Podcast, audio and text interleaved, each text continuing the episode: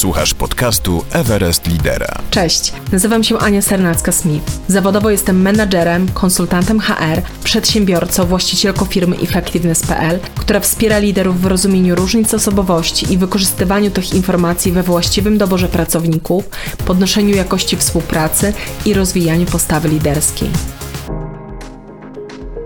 Tytuł tego odcinka Książki dla lidera, z których warto korzystać. Cześć, dzień dobry. Wykorzystaj czas na doskonalenie się poprzez czytanie dzieł innych ludzi, aby łatwo osiągnąć to, na co oni ciężko pracowali. To nie moja mądrość, to Sokrates. E, dzielę się z Tobą tą myślą, bo zgadzam się z Sokratesem co do tego, że warto czerpać z książek, z doświadczenia innych, sama to robię, ale z jedną rzeczą się tutaj nie zgodzę. Nie zgodzę się z tym, że wtedy łatwo osiągniesz to, co ich autorzy. E, bo doświadczenie mi pokazuje, że za każdym razem wymaga to no, niezwykle ciężkiej, indywidualnej pracy, no ale takiej pracy, którą my jako liderzy zespołów po prostu mamy wykonać i koniec kropka. I dokładnie w dniu, w którym przygotowywałam się do tego odcinka, na LinkedIn wziąłem udział w dyskusji zainicjowanej przez Roberta Wójcika. E, Robert e, był moim gościem w 33 odcinku tego podcastu Doświadczenie czy postawa, co jest dziś ważniejsze w biznesie. Jeśli jeszcze nie miałaś okazji odsłuchać, to bardzo Cię e, zapraszam. E, Robert podzielił się na LinkedInie swoim przemyśleniem o tym, że mamy takie silne nasycenie książkami liderskimi, tylko co z tego? Chodziło mu o to, że może niekoniecznie ilość, ale właśnie jakość, że możemy czytać, ale kluczem do sukcesu jest działanie. I z tym się w pełni zgadzam. Stąd przychodzę dzisiaj do Ciebie z odcinkiem o książkach dla lidera, ale z naciskiem na to, w czym one Ci pomogą, jeśli rzeczywiście wdrożysz to, o czym ta pozycja traktuje. I o takich książkach dzisiaj będę rozmawiać z Pawłem Jaczewskim. Cześć Pawle. Cześć Aniu, bardzo dziękuję Ci za zaproszenie. Cała przyjemność po mojej stronie, gdybyś teraz mógł nam się przedstawić. Powiedz słowo o sobie. E, ja jestem takim nietypowym człowiekiem, który dużo czyta dużo czytam, dużo y, łapię treści, które, które mam. Y, nawet y, bardzo lubię czytać, bardzo lubię te treści przekuwać na życie codzienne i tak jak mówi, właśnie doskonale zacytowałeś Roberta na samym początku, że co z tego, że mamy tyle książek? Nie, przeczytajmy jedną, zróbmy coś z nią. Tu nie chodzi o to, żeby przeczytać 100 książek albo być na 100 szkoleniach, tylko po prostu zrobić coś i wdrożyć. No a jak wdrożyć, to myślę będziemy za chwilę rozmawiali. E, a zawodowo, gdzie jesteś? Bo też zawodowo czytasz książki. Tak, ja jestem, e, w, e, pracuję w wydawnictwie MT Business, jak jestem menedżerem. Notabene, znaczy moim szefem jest Kasia Graca, o której też dzisiaj trochę będzie w kontekście przykładów. Pracuję w dwóch aspektach. Po pierwsze, marketingowo-sprzedażowym, czyli dbam o to, żeby tych, te książki były widoczne, żeby się sprzedawały, a z drugiej strony dbam o to, żeby wybierać dobre tytuły na polski rynek rynek, czyli innymi słowy też czasem czytam po, e, po angielsku książki i potem zastanawiamy się, czy warto ją wydać. Mamy takie kolegia wydawnicze, tam są gorące burze mózgów. No ja zdradzę też naszym słuchaczom, że nie bez powodu Cię zaprosiłam, bo po pierwsze dla mnie Ty jesteś takim człowiekiem, który chyba szybciej czyta niż ja myślę, więc y, mi to imponuje. Bardzo się temu przyglądam i tak wow, wow, wow. Ale to nie jest tajemnicą, też dlaczego Cię zaprosiłam. Z MT Business ja też przecież współpracuję, bo to jest moje wydawnictwo i wspólnie wydajemy książki. Ja je mhm. piszę, Wy wydajecie. Natomiast też wiem właśnie, w jaki sposób selekcjonujecie e, tytuły, jak dobieracie, ile też poświęcacie uwagi temu i to mi bardzo imponuje. Stąd wiem, że też książki, które polecacie, to są rzeczywiście książki, z których warto czerpać. Więc to taka e, mała wstawka o tym, dlaczego ty, Pawle.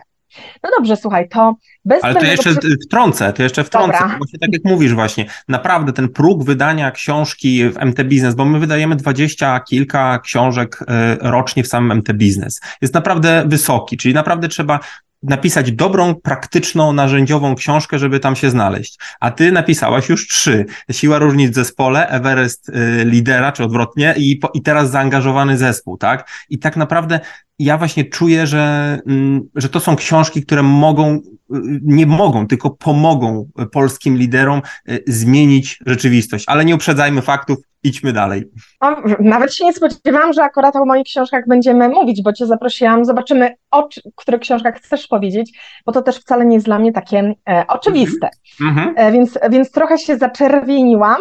Słuchacze tego nie widzą, ale dobra, już przechodźmy do tego, co mamy na dziś e, przygotowane.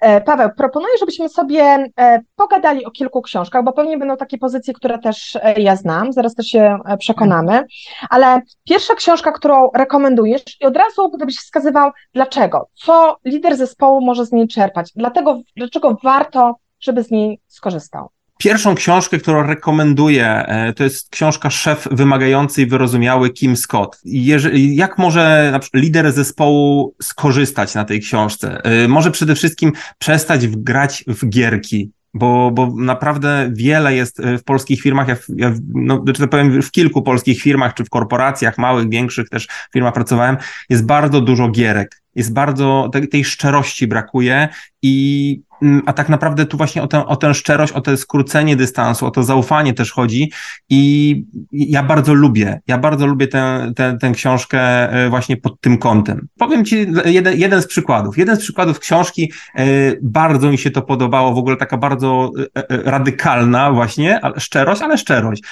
Kim Scott cytuje tam Bena Horowica, który mówi się o tej metodzie kanapki. Do dzisiaj w korporacjach, w polskich firmach się mówi o cały czas o tej metodzie kanapki. Powiedz komuś coś dobrego, potem wpleć w to coś słabego, a potem znowu powiedz coś dobrego. I Ben Horowitz przejrzał tą metodę na wylot i ją nazwał dokładnie metodą gównianej kanapki. Dokładnie tak jest w książce napisane. I ja się, ja się zgadzam z tym w pełni. Jeżeli mamy być naprawdę y, z pracownikami, czy z pracownikami, z szefem, y, y, pracować codziennie, można powiedzieć ufać przecinać te, te, te płaszczyzny, no to musimy sobie ufać tak naprawdę, a jeżeli ja słyszę od, a wielokrotnie słyszałem tę metodę kanapki, no to to jest trochę tak jak handlowiec, który dzwoni i mówi, że ma ofertę, która jest tylko dziś. No to wiadomo, że to nie jest tylko dziś, bo ona będzie dalej jutro, tylko on tak mówi, bo chce sprzedać. I dokładnie tak samo jest z szefem strasznie traci w, w moich oczach taki szef, który właśnie próbuje takimi trochę gierkami grać. E, wiesz co, ja też tę książkę czytałam, dużo sobie z niej wzięłam, Mhm. E, chociażby to, tak jeszcze ja mogę też od siebie dodać. Mhm. Wiesz co, że dla mnie ona jest bardzo właśnie, tak wspomniałaś o tym, jak budować w ogóle zaufanie. Jak być w ogóle być szczerym, jak być transparentnym, jak też zrobić swoją robotę dobrze. I w tej książce właśnie, Paweł, znalazłam odpowiedź na częsty dylemat e, menedżerów o tym, czy ja mam się tymi emocjami zajmować. Nie jestem terapeutą, nie? I Kim Scott e, tak pięknie, ja czytam ją po angielsku, więc parafrazuję to tak, jak pamiętam. E, czy mam się zajmować emocjami? Tak, bo na tym polega zarządzanie. I to jest twoja robota. Koniec, kropka. Dokładnie. Trochę pozamiatała temat. To, to było dla mnie mocne. Ja jeszcze dodam jedną właśnie rzecz, że y, zgodnie właśnie z, y, jest, ona, Kim Scott mówiła o swojej babci. Ona mówiła o, y, o, że każdy słoik ma swoje wieczko. Że jak czasem jeden pracownik, który się nie spełnia w swojej roli, może się spełnić w innej roli. I, i to jest właśnie też to, żeby wyłapać takie rzeczy, żeby też taką szczerość wzbudzić. Właśnie ten, w Polsce jest szef wymagający wyrozumiały. Tytuł oryginału Radical Candor, czyli radykalna szczerość. I ona dokładnie też tam mówi, żeby spraw, by krytykowanie ciebie było nie tyle bezpieczne, ale też naturalne. I no ja powiem wprost, ja do swojej szefowej ostatnio powiedziałem, że zachowała się jak straszny ogr ze Szreka, więc i nie była zła. Jejku, wiesz co, no to, to jeszcze chwilę o tej książce, wiesz, bo widzisz, jakby jak ty przytaczasz jakiś przykład, to mi się też przypomina e, z tej książki to, co ja wyłapałam. Właśnie ona tam też podaje na początku przykład e, Steve'a Jobsa i tej tak. właśnie bardzo dyrektywnej, wręcz agresywnej komunikacji, tylko właśnie to pokazuje, że jak zbudujesz zaufanie, no to wtedy jest tam też przestrzeń na taką komunikację. Nie? Jeśli Dokładnie. właśnie masz taki styl komunikacji, to jest okej, okay, tylko ty musisz poznać tych ludzi i siebie od każdej możliwej e, strony. To jest Tak, e, tak. kluczowe. I pytanie, ile masz czasu na zbudowanie tego zaufania i jak twoje pierwsze, przepraszam, minięcia właśnie w tym zaufaniu mogą spowodować, że już go nie odbudujesz. Bo ja bardzo często lubię, bardzo lubię takie powiedzenie, że zaufanie wchodzi po schodach, a zjeżdża windą. Zaufanie zbudować jest naprawdę ciężko. E, I to trwa czasem miesiące, czasem lata, bo niektórzy ma, są różne, jesteśmy różni, ale przewidywalnie różni przecież, jak mówi Disk, tak? Ale z drugiej strony u niektórych to zaufanie jest bardzo ciężko zbudować, a bym powiedział, a jeszcze trudniej odbudować. I warto poznać właśnie swoich ludzi, swoich pracowników, żeby wiedzieć, komu, w jakie zadania też można polecać, czy jak się z nimi rozmawiać. I właśnie to jest ta podstawa, ta opoka, czyli zaufanie. Jasne. To ostatnia rzecz, którą dodam. Znaczy, mówimy o książkach, a tak się skupiamy na jednej, ale rzeczywiście to jest jakby warta polecenia e, lektura, e, bo też jeśli lider zespołu zastanawia się, jak krytykować, czy krytykować i kiedy krytykować, tak, to jest ta pozycja. Sobie też właśnie bardzo dużo e, z niej wzięłam. Nie? Jakby taki ma więcej odwagi, chyba też w tym, żeby krytykować, bo to też jest moja robota. Tak jak zajmowanie się emocjami, tak też krytykowanie, czyli ukierunkowanie pracownika na to, w którym kierunku on ma działać, żeby być lepszy. Dokładnie. Paweł, mamy? Tak, myślę, że my, Mamy. myślę, że możemy iść dalej. Lecimy dalej. E, Kolejna pozycja, którą polecasz. E, Druga pozycja to jest książka Patryka Alencioniego, czyli Pięć dysfunkcji pracy zespołowej. I tu myślę, że dla lidera zespołu, y, ja to mówię, li- liderze zespołu, jeśli szukasz odpowiedzi na pytanie, jak trwale właśnie budować to zaufanie, jak eliminować to, co dzieli, to przeczytaj tę książkę, bo bardzo dużo się z niej dowiesz. To jest taka typowa powieść biznesowa, gdzie mamy właśnie wyjaśnione. Ja uwielbiam Patryka Lencioniego z tego względu, że on często w książkach ma takie bardzo mocne te pierwsze zdania już. On potem przechodzi do powieści, to się trochę gdzieś tam trochę luźny styl robi, ale właśnie tu jest y, pierwsze zdanie, to nie finanse, ani strategia, ani technologia, ale właśnie praca zespołowa jest decydującym czynnikiem przewagi konkurencyjnej. Zarówno dlatego, że jest tak potężna, wszechmocna, jak i dlatego, że występuje tak rzadko. I to jest coś, co jest y, takim, ja mówię, game changerem, tak? Bo dzisiaj się patrzy, no dobra, mają robić, wiedzą, co mają robić, to co tu, co tu myśleć? Gdzie tu dopasowywać i po co tak naprawdę? A znam takich szefów, którzy mają jeden komunikat tak naprawdę dla, e, dla każdego pracownika, czyli oni komunikują się w ten sam sposób. To trochę, no, no trochę, ja ci jeszcze, przepraszam, jedną y, ane- anegdota taka mi się przypomniała, ale uwielbiam ją. Były kiedyś międzynarodowe targi i pewien wynalazca zaprezentował taką innowacyjną i całkowicie zautomatyzowaną maszynę do y, golenia brody. Wystarczyło włożyć głowę do otworu, a zestaw brzytew y, tak naprawdę w kilka chwil golił chętnego. Pojawiła się taka jednak wątpliwość. Przecież każdy z nas ma inne rysy twarzy. Tylko przy pierwszym goleniu, powiedział wynalazca. I tak samo właśnie niektórzy zarządzający postępują. Uważają, że każdy ma takie same rysy twarzy, każdy, każdy tak samo myśli, tak samo robi i komunikacja do każdego musi być taka sama. No właśnie nie, no właśnie nie i zachęcam do tego, żeby właśnie budować zaufanie poprzez dostosowywanie się do zespołu, a nie traktowanie, że każdy ma te same, powiedzmy, rysy psychologicznej twa- twarzy czy zaufania, ale no, takie jest moje przemyślenie na ten temat. Tak, i z drugiej strony też e, dostosowanie się zespołu do tego, czego e, szef e, potrzebuje, nie? Zawsze to jest to dwustronne. Też słowo ode mnie, też tę pozycję znam ją bardzo polecam i lubię. Ona mnie chyba, Paweł, nauczyła, czy uwrażliwiła na taką obserwację tego, co się w zespole dzieje, wiesz? E, Mhm. takiej interakcji między ludźmi, żeby od Mhm. razu, wiesz, nie jechać z prędkością światła i od razu zakładać, co się dzieje, czy w ogóle ignorować to, co się trudnego w zespole dzieje, a rzeczywiście włączyć tej roli liderskiej takiego obserwatora i się poprzyglądać temu, co tam może być na rzeczy. Dokładnie. I ta, ta obserwacja też powoduje, że my z takimi osobami, powiedzmy, znaczy jedna sprawa, że rozmawiamy, a po drugie chętnie, łatwiej jest nam dopasować y, ich styl na przykład pracy do tego, co robią. Bo czasem, ja, ja pracowałem kiedyś w, w telewizji cyflo, cy- cyfrowej, dużej telewizji cyfrowej, e, gdzie były, pracowaliśmy w dziale reklamacji i były zawsze te same osoby, po których, jak to mówię, była reklamacja po reklamacji. Czyli on nie załatwił do końca tematu, tylko po prostu on cały, on potem wracał. Ale czy to wynikało z tego, że ten człowiek miał złe intencje, nie chciał? Nie, on też wykonywał tą pracę jak, najlepiej jak mógł, tylko on nie był po prostu najlepiej mm, predysponowany do, te, do tej pracy, bo on miał na przykład, nie wiem, nastawienie konfrontacyjne, a nie żeby się dogadać. I to jest, i to jest właśnie też taki, to jest właśnie też taki wniosek też między innymi właśnie z tej książki, żeby, żeby traktować to, to, to inaczej. E, Pawle, pięć dysfunkcji pracy zespołowej. Odhaczamy na listę też książek, które warto Tak, przeczytać. tak. Lecimy dalej. Co masz? Co masz za nadrzą? Następna jest Brené Brown i Odwaga w przywództwie. Tak naprawdę można tu mówić o, o różnych książkach, czy o różnych, yy, znaczy o różnych książkach Brené Brown, bo ona napisała wiele. Yy, ja bardzo lubię jej książkę, yy, też Dary Niedoskonałości, o perfekcjonizmie, gdzie jest to yy, pokazane. I tu uważam, że ta książka jest dla tych liderów, którzy szukają y, odpowiedzi na pytanie, jak być odważnym szefem, ale nie tylko odważnym, takim po prostu, który umie stanąć i po prostu huknąć, ale odważnym, jednocześnie wrażliwym, bo, bo tego często uważam, że brakuje. Takiej wrażliwości, czyli pokazania, że najpierw to jest zaufanie, zbudowaliśmy to zaufanie poprzednio, już mówimy o tych poprzednich książkach, a potem y, mówimy o wrażliwości. I tu uważam, że, że to jest, jest o tyle ważne, żeby, nie, żeby lider nie był, jak ja to mówię, jak szlaki górskie w Karkonoszach, bo byłem właśnie w Karkonoszy, wróciłem z, ze Śnieżki i tam wszystkie y, ścieżki, czy wszystkie szlaki są tak naprawdę z kamieni i jest bardzo ciężko po nich y, zbiegać, bo ja biegam po górach.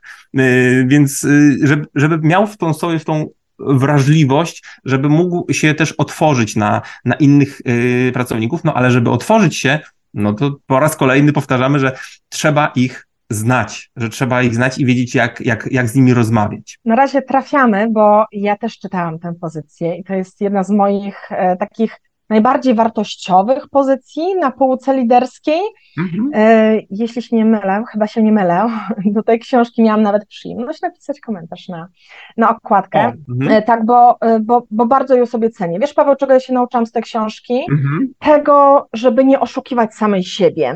W tym, kim, ja, kim ja chcę być jako lider zespołu. I to jest dla mnie ta odwaga. Brené naprawdę dała mi odwagi do tego, żeby zrzucić zbroję, nie? pokazać, tak jak powiedziałaś, tę wrażliwość. Mhm. Od niej się uczę empatii. Jak ktoś szuka informacji o tym, czym jest empatia, jak ją praktykować, tak, to to jest osoba, od której e, warto się tego uczyć i jak ją wdrażać, tego, tego się nauczyłam, ale tym wszystkim od Brennan uczę się tego, jak zostać też mocno skupioną na zadaniu. A ja też to mam bardzo w sobie. Mówię o tym, bo często wiesz, tak jest moje doświadczenie, że e, menadżerowie boją się tego, że nie, odkryją się, pokażą wrażliwość, no to bum, dostaną po tak, głowie. Tak, e, tak. I już nie będzie celów realizowanych. Będą, nie? Jak zachowasz balans, tylko w tym wszystkim też odnajdziesz siebie. I tobie tak. będzie z tym dobrze.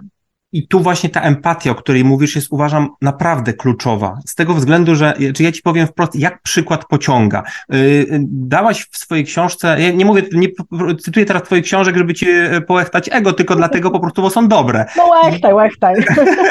No może trochę też, ale, ale chodzi o to, że mm, w książce był wywiad z Andrzejem Blikle i tam był taki, taka historia o spaleniu fabryki.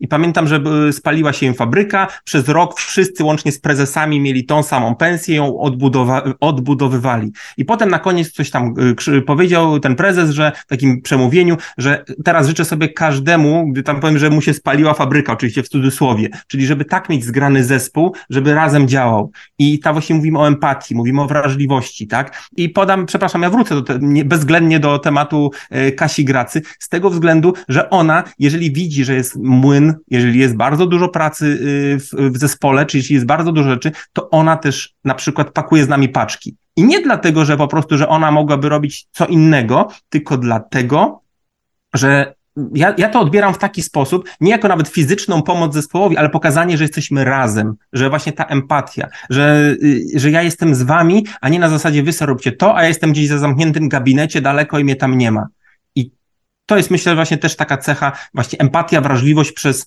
bycie razem z zespołem. Więc... Piękne podsumowanie tej pozycji empatii mamy. Co dalej masz na liście? Zobaczymy, czy ja też czytałam. E, następną pozycję, e, o której chciałbym powiedzieć, to jest książka Umysł Jutra. Do tej pory tym roku przeczytałem 70 chyba trzy książki. Ja wiem, że to robię zawodowo. Nie, nie, nie rekomenduję każdemu, żeby czytał po tyle, e, ale i to jest najlepsza książka, którą przeczytałem. Jedna z lepszych tak naprawdę, jedna z top 3 powiedzmy, na, najlepszych książek. Bo ona pokazuje pięć umiejętności jutra, dzięki którym, tak jak mówię, jeżeli szef czy lider zespołu by ją przeczytał, to po pierwsze, są osoby, czy są osoby w zespole, gdzie takie jest zawsze obawa, a to zostanę zastąpiony przez roboty, a to nie wiem, a, a, albo szef nawet się zastanawia, a to boję się, bo na przykład może coś robię źle. Uważam, że te rzeczy, szczególnie na przykład odnalezienie sensu i znaczenia, to jest jedna z takich y, rzeczy, albo na przykład rezyliencja, czyli powrót na tory, na właściwe tory po trudnych wydarzeniach, tak? Więc y, mówimy o takich rzeczach. A tu jeszcze ci podam przykład w kontekście na przykład umiejętności odnalezienia sensu i znaczenia. To było badanie robione w Stanach Zjednoczonych, podejrzewam, że w Polsce byłoby podobne. Pytali, jaki jest poziom satysfakcji ludzi z pracy, y, poczucie sensu w pracy od 0 do 100. 0 to w ogóle, 100 to bardzo poczucie, mają duże poczucie sensu. Okazało się, że wyszło średnio, że 49. I zapytali się też te osoby, które gdzieś tam nie mają tego y, poczucia, ile wynagrodzenia skłonni byliby przeznaczyć, żeby mieć to poczucie sensu w pracy. I okazało się, że oni byli skłonni przeznaczyć 22% y, swojego wynagrodzenia, żeby mieć większe poczucie sensu w pracy. Co ciekawe, w korelacji z tym, że średni kredyt hipoteczny w Stanach, y, czy średnia rata to jest 17,5% wynagrodzenia, oznaczało to, że są w stanie więcej poświęcić na y, poczucie sensu z pracy niż na własne mieszkanie. I to jest coś, do czego myślę, my powinniśmy dzisiaj dążyć, bo to poczucie, że się chce, że się, że, że, że chcemy, że robimy, że się cieszymy z tą pracą, to, to jest coś cudownego. Ja jeszcze szybko jeden przykład podam. Byliśmy niedawno w drukarni Abedik E, to jest drukarnia, która nam też drukuje książki. Bardzo po, pozdrawiam tutaj całą ekipę. I chodziliśmy po, po całej fabryce. Oni robili jakieś tam pokazówki, tylko naprawdę całą fabrykę na wszystko, po, całą, całą drukarnię nam pokazali. I tam powiedział nam prezes tak, że my na początku, zanim zaczniemy rozmawiać w ogóle z pracownikiem, to prosimy go tak, powiedz mi, co byś chciał robić, czym się interesujesz, bez względu na to, jakie stanowisko wykonu- na jakie stanowisko aplikował. I na przykład y, pamiętam do dzisiaj minę tego chłopaka z magazynu, gdzie on uwielbiał podobno logistykę, gdzie on im to powiedział na rozmowie, gdzie on jest tam szefem logistyki. I to jest właśnie to dopasowanie, to jest właśnie to, że, że ten sens z pracy, że codziennie przychodzę i ja wiem, po co tam przychodzę. I Paweł, Więc... to nie jest ciema, Akurat tej książki nie czytałam. Dziękuję Ci za polecenie, bo ją sobie wpisuję na listę do zakupienia i do przeczytania. Mhm.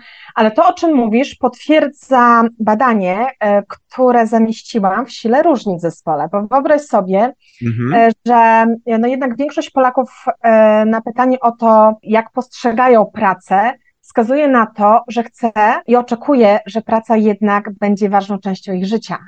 My głośno może tego nie mówimy, łatwiej jest nam powiedzieć to w ankiecie, bo wiesz, praca, ważna część, jestem dumny z pracy, nie? Nie każdy chce się do tego przyznać. Tak, w pracy tak dużo spędzamy czasu, ona jest dla nas ważna i my chcemy być w miejscu, znaleźć takie miejsce i rolę, w której będzie nam dobrze. Więc fajnie, że o tym wspomniałeś. Tak, i zobacz sobie też taką rzecz, że jakie my mamy przyzwyczajenie od naszego dzieciństwa. Jak jesteśmy w czymś słabi, to podciągnijmy to. Jak jesteśmy w słabi w matematyce czy fizyce, to weźmy korepetycje z matematyki czy fizyki. Nie myślmy o tym, żeby na przykład nie interesuje nas fizyka czy matematyka. Mój tata mi zawsze mówił, przepchnij to na dwóje, a to, co cię interesuje, to weź po prostu bądź w tym najlepszy. I my, a my dzisiaj robimy odwrotnie. My dzisiaj robimy, jesteś czymś słaby, to weź korki. Albo na przykład ty masz te, pamiętam też w książce Siła różnic w zespole było, że ty masz te litery z disk słowa D, S i C no to mogłeś powiedzieć, po co mi taki, tacy ludzie otwarci, ja będę po prostu szukała takich swoich, nie? Że, y, więc, więc po co mi tacy ludzie, ja, ja nie chcę takich ludzi wokół siebie. Nie chcę ich uzupełniać, tylko, tylko samych mieć swoich. A ty masz właśnie wręcz przeciwne podejście, że mm, jesteśmy inni i się uzupełniamy, tak? Więc, y, więc to jest uważam, że no, no coś, coś, co powinno być praktykowane, bo od tego zależy, czy nam się chce, czy nie chce do pracy przychodzić.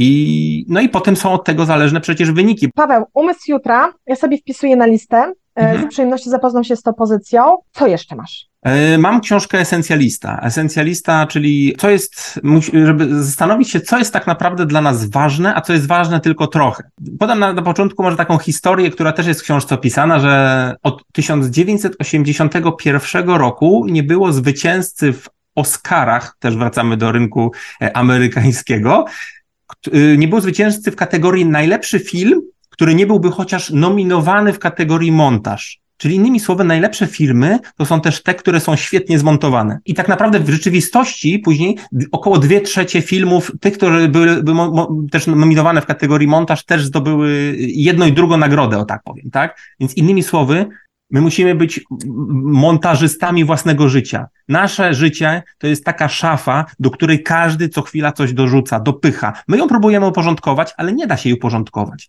Więc teraz kluczowa kwestia, że jeśli nie możesz z całą pewnością odpowiedzieć tak na jakieś pytanie i nie sprawia ci coś, y, na przykład, nie wiem, radości, to odpowiedz nie. I to jest właśnie kluczowe, że taki nieesencjalista myśli, jak mogę je wszystko osiągnąć, a esencjalista bardziej myśli gdzieś, co jest zgodne z tym, co chcę. Czyli wrzucam GPS w nawigację i wiem, że jak skręcam w nie tą ulicę, to on mnie prowadzi z powrotem. I bardzo często tego GPS-u nam brakuje, bo my po prostu wiemy, że jedziemy, ale nie wiemy gdzie. Słuchaj, dziękuję Ci za to podsumowanie. Wyobraź sobie, że te książki nie czytałam, ale celowo. Wiesz dlaczego? Mhm. Cały czas o nie głośno. Mhm. Ja sobie po, tak zdecydowałam, że właśnie zostawię e, jakby ten, ten szum na boku i jak trochę ucichnie dyskusja na temat tej książki, to ja sobie na spokojnie ją przeczytam. Ale cały czas trwa, więc widocznie coś jest na rzeczy, że cały czas się o tej książce dyskutuje. Natomiast kiedy słuchałam Cię, to wiesz, co przyszło mi na myśl w kontekście lidera, że ten rozwój lidera zespołu to jest przede wszystkim rozwój Ciebie jako człowieka, nie? Że jak ty się rozwijasz jako człowiek, no to następnie to jest to, co dajesz zespołowi, że to nie chodzi o to, że ćwiczymy się w tym, jak delegować, tylko wiesz, jak udzielać informacji zwrotnej. Nie, w ogóle jakim jestem człowiekiem, lepsze poznawanie siebie. Nie jakby to, to, to zarządzanie sobą i swoimi decyzjami, swoim czasem, to jest to, co buje, buduje bardzo mocno pozycji liderskiej. Tak, i w kontekście lidera, bo przepraszam, bo właśnie to jest kluczowa sprawa. Jeżeli ktoś jest liderem, to kluczową jest odpowiedź na e, takie właśnie pytanie, co jest dla mnie naprawdę ważne, co nie jest ważne i czy ja w tym całym szumie informacyjnym też muszę trwać. Bo, bo, bo to są właśnie kluczowe kwestie. A jeśli powiem wprost, a jeśli będziesz liderze trwał w tym szumie informacyjnym, no to powiem brzydko przewalone dla ciebie i dla zespołu, bo ty będziesz złym, słabym liderem, a zespół to, to bardzo szybko odczuje. Ja przepraszam, że tak trochę może jedno, jeszcze skoczę między tematami, ale powiem ci jeszcze o y, przykładzie Roya y, Baumistera. To jest akurat z książki Umysł Jutra, tam jest taki przykład. On robił badanie muzyków jazzowych byli podzieleni na trzy grupy, każdy miał jedno zadanie, czyli skomponować solo do muzyki, której nigdy nie znali. Pierwszy, pierwsi mieli odliczać, y, tworząc to solo od 913 co 6 w dół, czyli 913, 907 i tak dalej. Drudzy to 15, od 15 i o co jeden w górę, 15, 16, 17, a trzeci mieli tylko komponować solo. I jaki był tego efekt? No efekt był, y, powiem wprost, y, porażający, ponieważ wyglądało to tak, że ta grupa, która miała odliczać o to 913 i tak dalej, tworzyła to najgorzej, bo ona miała zajęta pamięć roboczą i często dzisiaj liderzy, odpowiadając pracownikowi, już coś piszą na czacie, ten, ten odbiera maile, jak tutaj ma być, y, ten, ten pracownik ma się skupić i jest to naprawdę, jest to naprawdę ciężko. I on, on to, to podsumowuje, że świadoma uwaga ma kluczowe znaczenie dla kreatywności, a przecież kreatywność też jest bardzo ważna. A mówi, że nieświadomość generuje kawałki, a świadomość składa je razem, by tworzyć kreatywny produkt. Jeśli zbytnio namierzamy, namieszamy w tej świadomości, to kreatywność na tym ucierpi. A dzisiaj ja bardzo często widziałem, że no, li, lider po prostu skupia się na dziesięciu rzeczach naraz, tu odbiera telefon, tu pisze na jakimś czacie i tak dalej, a to chodzi o to, żeby się skupić na tym, co ważne. Pięknie podsumowałeś. Słuchaj, tak moglibyśmy długo, długo, ale czas nam się kończy, to zbliżamy się ku końcowi. Tak. Co jeszcze masz? E, ja jeszcze mam właśnie Twoją książkę, Zaangażowany zespół, którą przeczytałem e, przedpremierowo i mnie trochę olśniło, powiem Ci. Mnie to olśniło. O ty! Tak, Dawaj, znaczy, to teraz jestem podekscytowany. Znaczy nie, bo zawsze brałem zaangażowanie zespołu jako coś takiego, powiedzmy, jako umiejętność miękką. Czyli mamy umiejętności miękkie, rozwijamy je i tak dalej. A to są po prostu, to jest matematyka. Ty tam pokazałeś normalnie wzory, y, pokazałeś dane, pokazałeś liczby, że na przykład osoby, które, firmy z osobami, które były wysoko zaangażowane, miały zysk wyższy, jeśli dobrze pamiętam, 19,2%, a te, które y, były niezaangażowane, miały spadek na poziomie 32%. I, I to jest dokładnie tak samo. I jeszcze to jest to, co mnie chyba najbardziej poraziło w tej książce, bo oczywiście potem jest cały podręcznik właśnie jak e, odnośnie typologii też, e, czy mówię o disku, tak, czyli że mamy styl dominujący, mamy styl bardziej taki otwarty, no zresztą ja jestem otwarty, ty musisz mi hamować, żebym za dużo nie gadał. Potem mamy styl bardziej analityczny i styl ciepły i tak naprawdę, że ogólnoświatowy poziom zaangażowania to jest w ogóle 21%, to jest jakiś w ogóle kosmos, a w Polsce to jest 42, nawet nieco druga osoba po prostu ma, nie, nie jest zaangażowana i to jest y, koszty wymieniasz. Dla mnie to, to mnie naprawdę uderzyło. Bo zawsze mm, takie typu, jak ktoś mówił diski, a ja nie wierzę w horoskopy. To zupełnie nie tak. To zupełnie tak. To jest, to jest po prostu czysta matematyka. To jest zysk, to, jest, to są pieniądze firmy, które wylatują bokami przez to, że nie ma zaangażowanego pracownika w firmie. I mega polecam tę książkę, ponieważ y, to jest książka, która może zmienić myślenie wielu osób, szczególnie takich, ja powiem wprost, zatwardziałych, którzy uważają, że, że disk to jest, y, to jest po prostu jakieś wróżenie z fusów. Każdy pracownik jest przewidywalny i one, oni są powtarzalni, tylko każdy jest inaczej przewidywalny. Więc y, u, uwielbiam. Znaczy, to, to jest książka, którą, którą na pewno będę y, szeroko, y, chciał o niej szeroko mówić, bo bo zawsze brakowało mi argumentu. Brakowało mi argumentu dla tych analitycznych, przepraszam, zamkniętych w sobie ludzi, którzy mówili, że no co ty, to, to nie, ja mam swój styl, ja będę mówił po prostu, co mam robić, a oni to robią. No i, no i okazuje się, że nie robią. No ciepło mi się zrobiło na sercu słuchając Cię, no nie powiem, jest mi ciepło i rzeczywiście, wiesz Paweł, tak, tę książkę bardzo dobrze znam, bo ją napisałam. I napisałam też ją e, z Bradem, z moim mężem, z którego uczyłam się o różnicach e, osobowości. Też chciałam, żeby on był włączony, żeby porównać też te e, dwie perspektywy, amerykańską i polską, a dwa, że no on wie, nie znam osoby, która więcej wie o instrumentach mierzenia kompetencji. I w tej książce moje podsumowanie. Zawarłam, wydaje mi się, no, wszystko, co wiem na temat różnic osobowości i tego, jak mierzyć kompetencje miękkie. I to było moim celem. Cieszę się, że to wyłapałeś, żeby pokazać biznesowi, ile możesz na tym zarobić, a ile możesz stracić, jeśli się tym nie zajmiesz. I że mówienie o jakiejś komunikacji, tam zaangażowaniu, o jakiejś empatii, tak, to wszystko jest potrzebne, bo tam są pieniądze. Nie? I e, na tym mi bardzo mocno zależało i rzeczywiście jest taki też podręcznik wokół tego, jak DISC D3 wdrożyć w różnych procesach HR. Od rekrutacji, po wdrażanie wartości, wdrażanie pracowników, przez codzienną współpracę i rozwój kompetencji, w tym kompetencji liderskich. I tam to są przykłady firm i liderów, którzy to zrobili, no i którzy widzą efekty. Tak, i, i, to, i to mówimy tu o polskim, o polskim y, czytelniku, polskim rynku. Ta książka będzie dwujęzyczna przecież, bo ona będzie i po polsku, i po angielsku, żeby różne osoby mogły z niej skorzystać, ale to, to tak jak nawet napisałeś, że tam, znaczy ja w ogóle byłem w szoku, bo ja nawet nie wiem ile to jest pieniędzy, ale że koszt braku zaangażowania na świecie to jest 7 trylionów dolarów rocznie. Ja tak. myślę, kurczę, ile, ile, to jest, ile to jest pieniędzy? Nawet, nawet nie potrafię sobie tego wyobrazić. I, I to jest kluczowa kwestia, żeby ci pracownicy widzieli, tym sens, co robią. Tak jak y, w jednej z książek też piszesz o tym, y, że tata twojego męża mówił, że znajdź sobie taką pracę, z której będziesz dumny. I ja ci powiem tak, do mnie od lutego, odkąd pracuję w MT Business, przy różnych okazjach, imprez, nie imprez i tak dalej, podeszło kilkanaście osób i powiedziało: Paweł, ja zupełnie cię nie poznaję, ty jesteś zupełnie innym człowiekiem, tu widać pasję, tu widać chęć, tu widać radość. I dlatego też o tym mówię, że przepraszam, trochę, trochę mam teraz ściśnięte gardło, ale właśnie dlatego to, co e, Kasia Graca zrobiła w listopadzie, że mnie poprosiła e, tutaj, żebym pracował, to, to było coś najlepsze, co mnie mogło spotkać. Ona jest z jednej strony skromna, i robi, ale robi tak niezwykłe rzeczy, e, bez obnoszenia się nimi, ale jednocześnie tak układa te klocki w zespole na podstawie właśnie też disku przecież, którego wdrożyliśmy u siebie. Zupełnie inaczej się rozmawia z pracownikami. Te wyniki disk to nie jest tak, że to jest wiedza tajemna, każdy dostał swoje, rozchodzimy się. To jest wszystko na dysku wspólnym. I to, co mówisz właśnie odnośnie zaangażowania.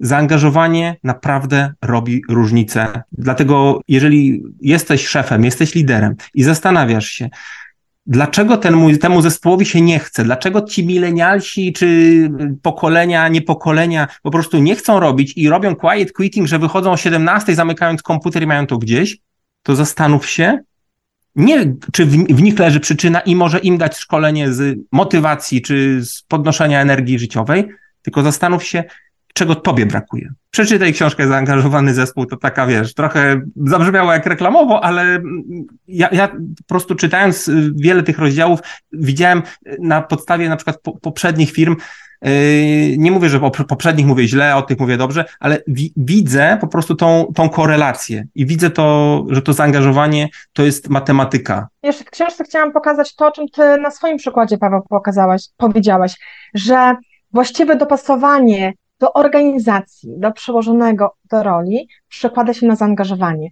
a zaangażowany pr pracownik to jest pieniądz dla organizacji.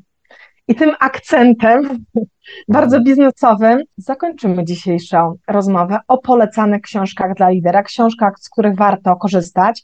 Paweł, bardzo Ci dziękuję. Bardzo dziękuję, Aniu. Bardzo dziękuję. Życzę wszystkim liderom, żeby mieli ciekawych szefów, żeby czytali dobre książki i żeby te książki wdrażali w życie. Tak, i od tego zaczęliśmy i na tym zakończymy. Czytamy, ale i wdrażamy. Paweł, dziękuję bardzo i naszym słuchaczom również bardzo dziękuję i zapraszam do kolejnego odcinka za dwa tygodnie. Dziękuję.